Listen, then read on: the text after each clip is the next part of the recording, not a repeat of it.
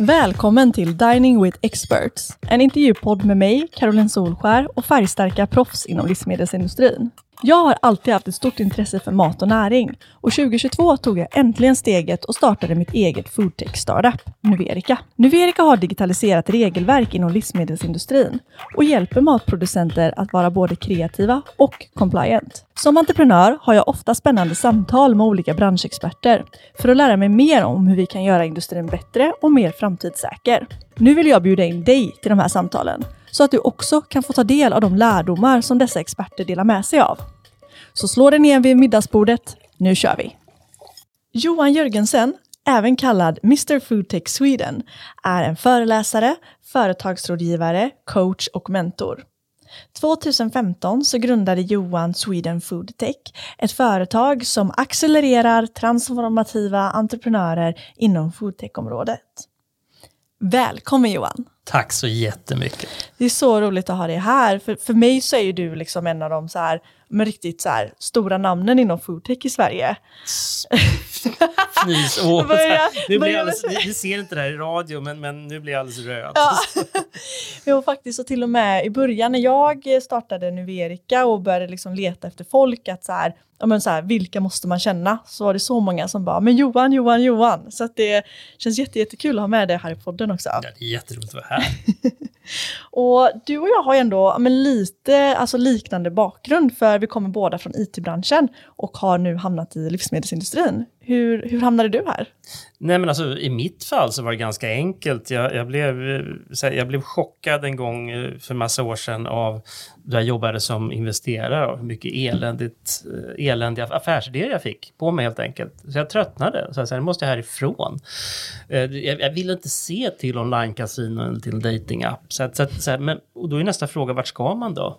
Och så hade jag varit intresserad av mat ganska länge och så tog jag en djupdykning i det här, här 12-13 år sedan, någonting sånt där nu. Och sen så det första man ser i, i mat när man dyker i den, det är ju att det är helt förfärligt. Mm. Matsektorn är planetens största mördare. Mördare av både planetära förutsättningar och mänskligt liv. Så att, och så gör de ingenting åt den och ingen tech och innovation som man kan se, apropå det här med att komma från, från en IT-bakgrund. Mm. Och allt det där är ju bara ett recept för stor transformation. Men vi har inte hunnit dit än. Det är mycket annat som ska göras först. Mm. Verkligen. Och en sak som jag, för jag satt och såklart som man ofta gör innan en intervju så sitter man och liksom kollar upp personer man ska intervjua. Och en sak som jag såg när jag tittade på din hemsida, det var ju det här med innovation. Eh, och just att så här, många livsmedelsföretag tror att ja, men, så här, produktutveckling är lika med innovation. Eh, och att eh, det verkligen inte är det. Men vad skulle du då säga att inom livsmedelsindustrin, vad är innovation? Ja, det är en bra fråga, för vi har inte riktigt sett så mycket av det än.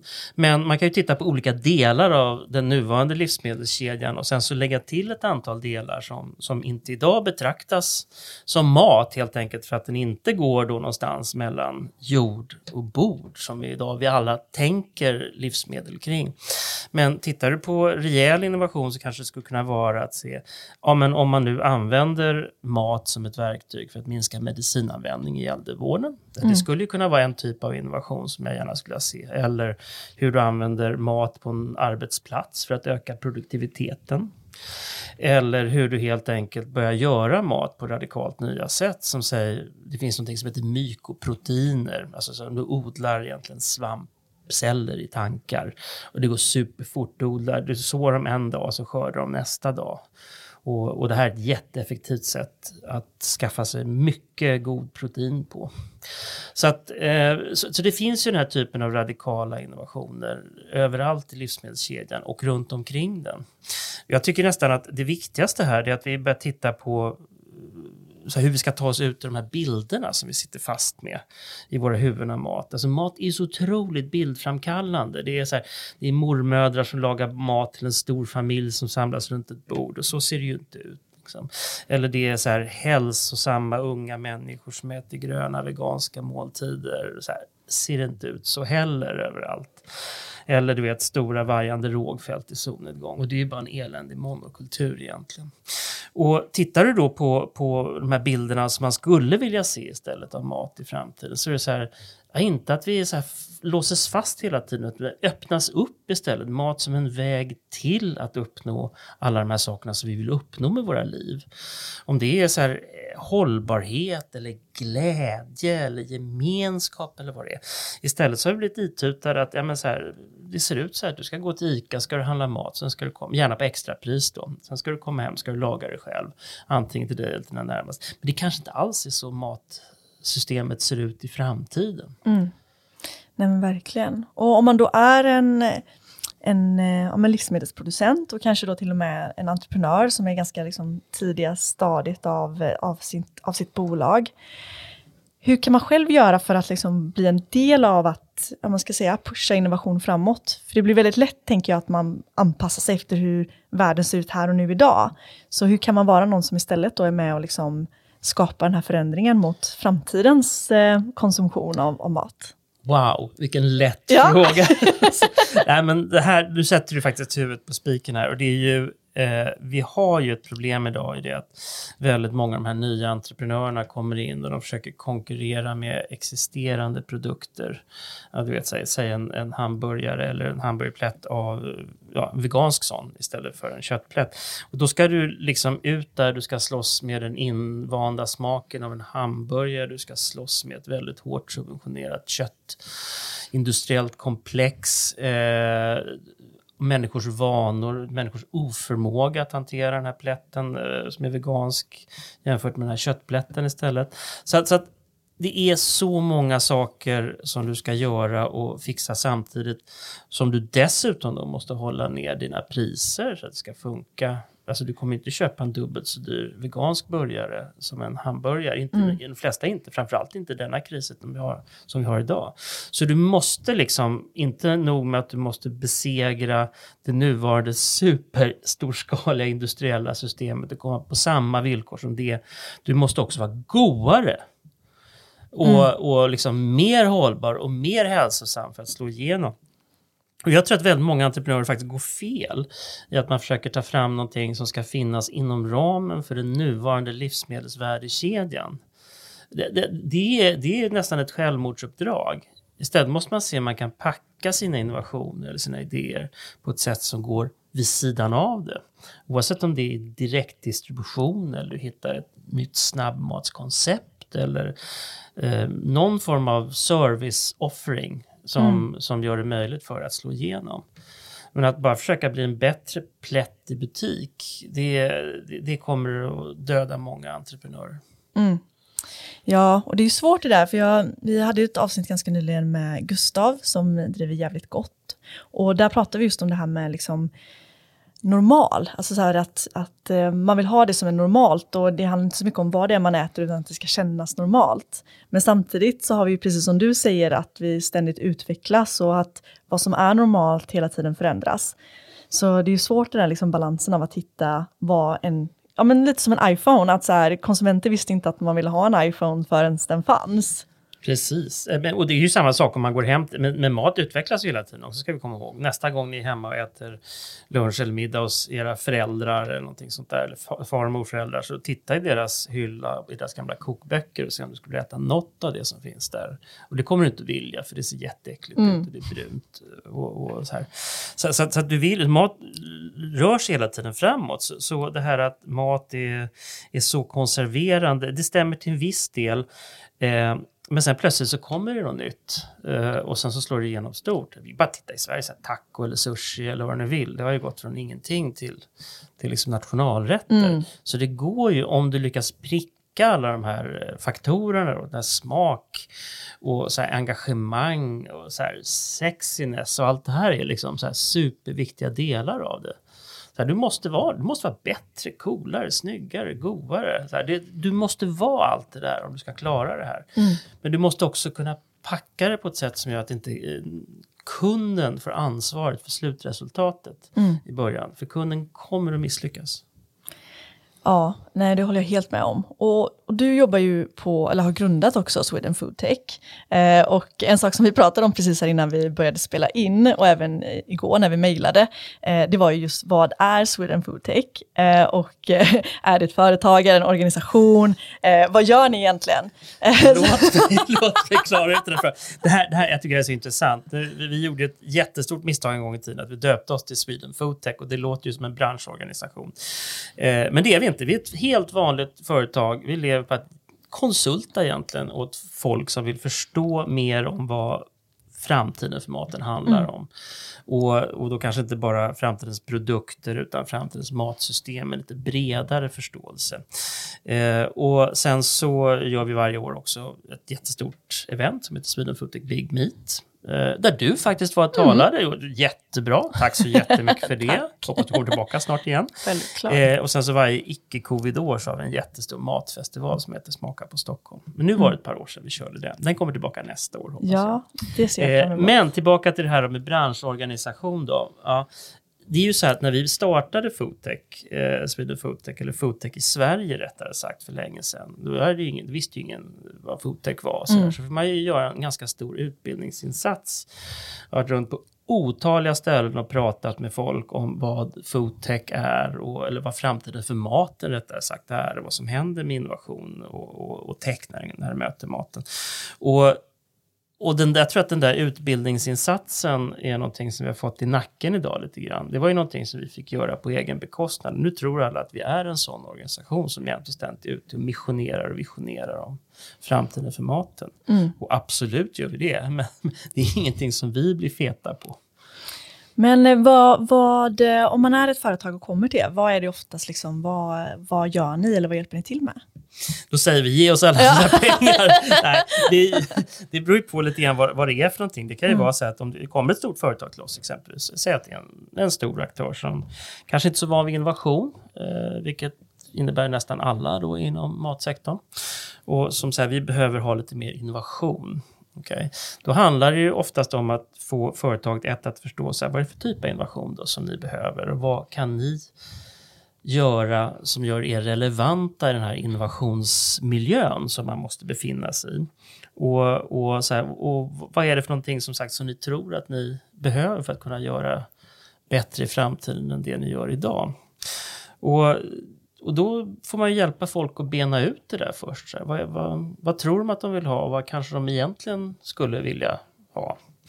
Och sen så är det givetvis att hjälpa dem att komma i kontakt med och engagera innovation som ju då oftast kommer utifrån. Uh, innovation, alltså det, det, är påfallande hur lite innovation det finns i livsmedelssektorn, livsmedelsvärdekedjan. Men det är ungefär 0,2 procent av omsättningen som mm. går till det som kallas för R&D, mm. Research and Development. Allt, och det är nästan allt går till glassmak, nya glassmaker, så här, annan smak på läsken. Eller någonting sånt mm. Och det är ju inte innovation i min värld, utan det är produktutveckling, precis som mm. du var inne på i början. Eh, så de här behöver hjälp. Mm. Och sen har du entreprenörerna på andra sidan. Många av dem kommer ju inte från matsektorn. De har gjort andra grejer. Och de behöver kanske förstå matsektorns strukturer och bysantinska korridorer och så hur man rör sig och pratar om den. Och var fallgroparna finns.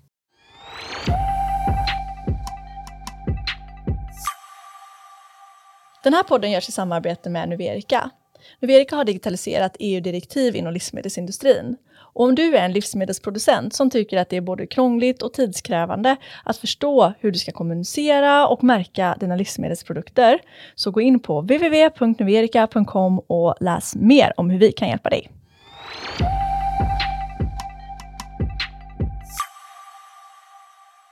Och vad tycker du, oavsett om, då man är ett, självklart är det ju skillnad, alltså är man ett stort företag eller ett litet startup så har man ju helt olika behov. Men vad tycker du att man som företagare kan göra för att liksom förbereda sig på de förändringar som sker i branschen och att liksom då vara en del av det? Det beror på vilket perspektiv du har, skulle jag säga.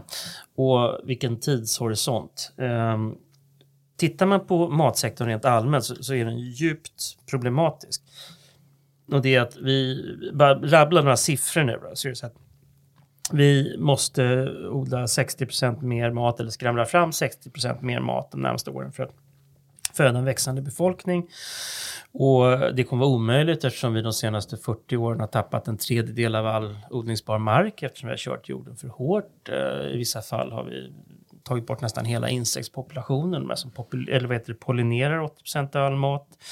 Eh, vi kan inte pumpa lika mycket färskvatten längre för att föda våra odlingar. Alltså så här, bara så att vi förstår vidden av Vi har pumpat så mycket färskvatten till jordbruket att jordens jordaxeln har förändrat sin lutning. Mm. Alltså, då förstår man vilken enorm påverkan livsmedelssystemet har, har haft mm. på vår, vår planet.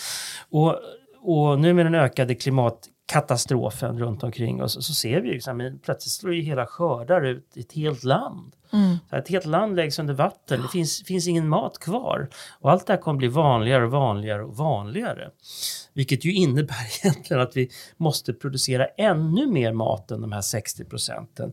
Det är inte nog att vi har fler att föda, vi har fler klimatkatastrofer som kommer mm. att påverka oss och hur vi odlar. Och här någonstans så är det ju så för mig närmast matematiskt säkert att det nuvarande livsmedelssystemet inte kommer att klara av jobbet. Och och det innebär ju att om man nu ska positionera sig i ett nytt livsmedelssystem så ska man ju se till att man inte utsätter sig för att här, bli en av de här delarna som nödvändigtvis måste skäras bort. Mm. Det kan ju vara så här, det kanske är så att vi, vi är tvungna att skära bort köttproduktion i jättestora djurfabriker. Vi kanske är tvungna att göra det. Då är det ett offer som vi som mänsklighet får ta. Mm. Och, och det, det, är så här, det kanske vi inte tycker vi vill egentligen, men priset är så. Klimatet kräver det, eller hälsan kräver det. Och alla de där, så egentligen har ju så här, det nuvarande livsmedelssystemet har ju fått springa fritt i stora delar. Och i stora delar också inte bara fritt utan påhejat ivrigt då av, av regeringar och av eh, så här, institutioner som EU. Och skulle jag positionera mig skulle jag säga att ja, men jag kan ta fram saker och ting som är bra, goda, billiga eh, alternativ till dagens, dagens produkter, absolut. Men jag skulle också försöka se till att jag gör det tar dem till marknaden på ett sätt som, som kanske är annorlunda eh, än idag. Och sen skulle jag definitivt försöka titta på så här, vad, är värden, vad finns värden i den här webben någonstans? Alltså Rockefeller Foundation i USA gjorde en studie häromåret där de pekade på på det som vi kanske alla visste då egentligen att en dollar på mat i USA ger upphov till en dollar i negativ mm. eh, påverkan på planeten och klimatet och en dollar i kostnad på, på hälsosidan. Så uppenbarligen så är mat tre gånger så dyrt. Så, här. så, så kan du haka in i de där värdeströmmarna som finns så är det superintressant givetvis för en ny entreprenör. Eller hela organisatoriska så här, vad hände när, när Hotels.com kom och började organisera hotellrum digitalt? Jo, men plötsligt flyttar en stor del av värdet upp i deras lager, det digitala lagret. Och det är klart att samma sak kommer hända i mat. Mm. Och så, så värdet kommer att flyttas och det kommer att skapas nya värden. Men jag tror inte att det kommer att skapas så fruktansvärt mycket nya värden i det gamla. Om det var svar på din ja, fråga vet absolut, jag inte. Det var en ganska lång utlägg. ja. Men, men poäng, poängen är liksom så här, klimatkatastrofen eh, är, det är en bulldozer som du inte vill ställa dig framför. Mm. Så, så flytta dig från sidan av den. Mm. Eh, värdet av maten ligger i huvudsak inte på tallriken, så tänk dig fri från den. Det, ja, absolut. Ja, för det blir ju lätt så om man tänker så här, jag ska in i foodtech och då tänker man så här, jag ska göra en, en matprodukt. Yes, för så ser våra mentala bilder ut. Ja. Har du själv några, liksom, eh, eh, ja, men några favoritinnovationer, om man ska kalla det så, som vi ser idag, som du bara säger det här, det här är riktigt coolt? Ja, men jag har ju några stycken, ja. så är det. Jag har, jag har två stycken som jag är extra förtjust i. Eh, och det ena är en japansk raketforskare eh, vid Sony Computer Science Labs i Tokyo som är, han är teoretisk fysiker och veterinär. En av de här så här galen professorstyp. Och han Eh, började tillämpa sina teorier om väldigt avancerade fysiska system på eh, växter. Och så upptäckte han att om man planterar inte bara så normalt mycket eh, växter tillsammans utan ultramycket, så, här, så mycket som naturen inte själv kan skapa tillsammans. Säg så här ett litet fält på några tusen kvadrat, 500 växter där då. Och sen så får de käka varandras biomolekyler som de producerar och, och pratar med varandra. Och, så här. och då uppnår du en fantastisk produktivitet. Och jag har sett honom ta då ett krackelerat så här, lerfält i Burkina Faso i Afrika. Ni vet hur de ser ut. De har kört här slash and burn jordbruk och sen så när marken inte funkar längre så drar de därifrån och, och bränner ett stycke regnskog till och, och brukar den tills den mm. marken tar slut. Och så blir det så här hård lerdyta, du vet, där vattnet bara studsar när det regnar. Och det tog han till ätbar regnskog på ett år. Mm -hmm. eh, med första skörden efter sex månader.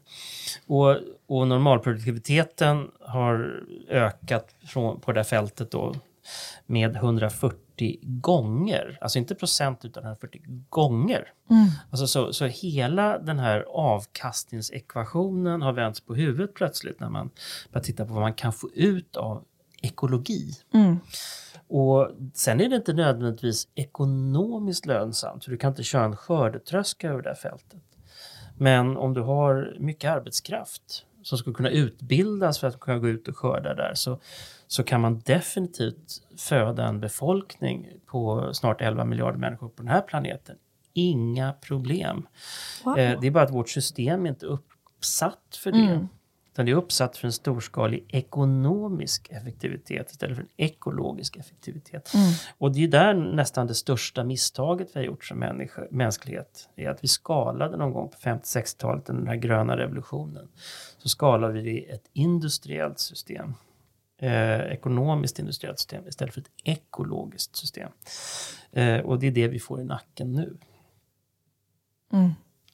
Så det är det ena exemplet. Eh, det andra exemplet är några söta bönder nere i Småland som har ett kopensionat som heter Hacksuddskossorna. Eh, och, och det är bakgrunden är ganska rolig. Du har ju då så här, mjölk, det mjölkindustriella komplexet äter upp och spottar ut kor hela tiden då. Så en kossa mm. kommer in och så mjölkar hon ett antal år och sen, sen 6-7 år så, äh, du mjölkar inte lika mycket Rosa, då går du till slakten. Nu ska vi in en ny arbetare, en ung arbetare i fabriken, ung och stark arbetare. Och då eftersom Rosa är så utmärglad då efter alla de här åren så blir hon då köttfärs eller hundmat om, om det alls blir någonting kvar på henne. Och det här är ju väldigt synd, tycker all världens toppkockar. För alla toppkockar vet att gammal mjölkko ger det bästa köttet. Om det finns någonting kvar på henne, vill säga. Eh, och det gör det allt som oftast inte då. Och vad gör man på det här pensionatet då för kor? Jo, man tar emot gamla mjölkkor och sen får de gå omkring där på deras gröna ängar och rulla sig i, i gräset och ligga och råma i par år tills de är tjocka och feta och frodiga, haft en skön pensionärstillvaro. Eh, och, och sen kommer ju den här dagen då eh, när kossan ska bli kött. Men då blir det världens bästa kött. Mm. Och kossan har haft jättebra mm. hela vägen. Och, kanske inte i mjölkfabriken då, i alla fall i sin pensionärstillvaro. Ja. Och det här tycker jag är helt fantastiskt. Men det här roliga med det här köttet är att det kan du inte köpa i butiken sådär. Utan det här säljs ju direkt från gården i lådor. Mm. Så då måste du bli kompis med dem eh, för att få tillgång till det här. Och för mig så är det här precis den typen av utveckling som jag skulle vilja se. Mm. Och, och då kommer det här till frågan, i båda de här fallen, skalar det här?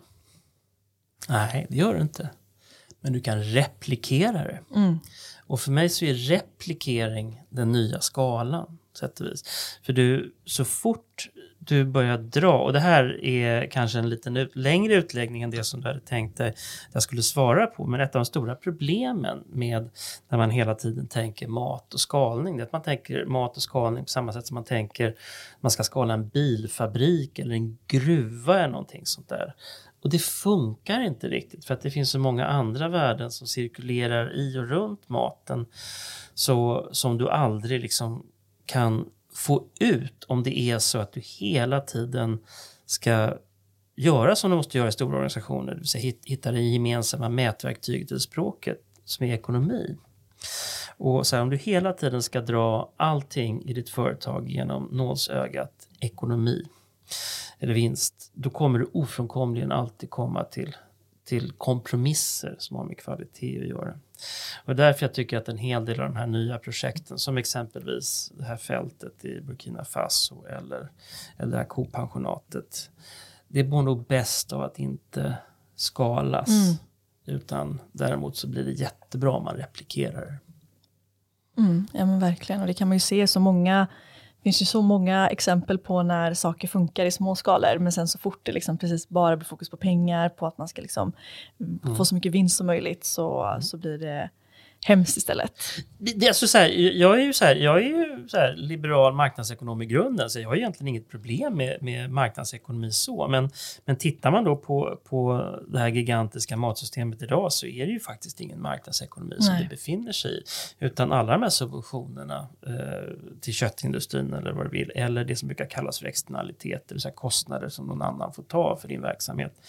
Sen gör ju att men fan, det, här, det, här, det här är ju bara hittepå. Det är ju ett så här lalaland. Så här, Mm. det, det finns eh, så här Stalin och hans planekonomiska eh, avdelning där på eh, så här i Kreml, de skulle ha varit stolta om man kommit på det här systemet. För det här är inte marknadsekonomi. Mm. Och vad tror du själv att vi är om 30 år? Om du får vara både liksom pessimistisk och optimistisk. Ja, det finns bara ett svar på det. Vi måste ju ha löst det här. Har vi inte löst det när, när, när vi sitter på hemmet, då, eller jag sitter ju på hemmet väldigt mycket tidigare än både er som gör programmet och, och alla ni som lyssnar. Men, men jag kommer ju se att vi ställde om matsystemet. För ser jag inte det så är, då har det faktiskt gått åt helvete. Mm. Eh, Så jag, jag, jag har, det finns bara ett läge, det här måste vi lösa nu. Men det positiva med det är att eftersom befolkningskurvan på planeten jorden håller på att planar ut så kan vi sätta det här nya matsystemet nu under de kommande decennierna. Så kan vi hålla planeten för evigt. Mm. Och det är en ganska intressant möjlighet för mänskligheten att ta, de, ta vara på just nu. Så det här är de absolut mest intressanta årtiondena någonsin i matens historia. Ja, så spännande. Och jag känner att eh, de här orden får faktiskt avsluta, för jag kan inte komma på ett bättre sätt att, eh, att avsluta den här, den här podden men, än med de orden faktiskt. Eh, och jag ser fram både åt att eh, se liksom de eh, bolag som går igenom er på Sweden Food Tech och vad de hittar på, men också se, ja, se vart vi är om 10, 20, 30 år. För precis som du säger så kan vi inte fortsätta som vi gör, utan vi måste hitta, hitta nya sätt framåt. Och vi kommer att göra det, eller hur? Självklart. Tack för att jag fick komma. Tusen tack Johan. Stort tack för att du har lyssnat på Dining with Experts. Om du vill följa eller ge en kommentar om vad du har hört i podden så kan du följa oss på våra sociala kanaler. Vi heter attnuverika överallt, både på LinkedIn, på Instagram och på TikTok. Om du vill höra fler avsnitt så finns vi där poddar finns och du kan även se videoinspelningar av avsnitten på Youtube. Tack så mycket!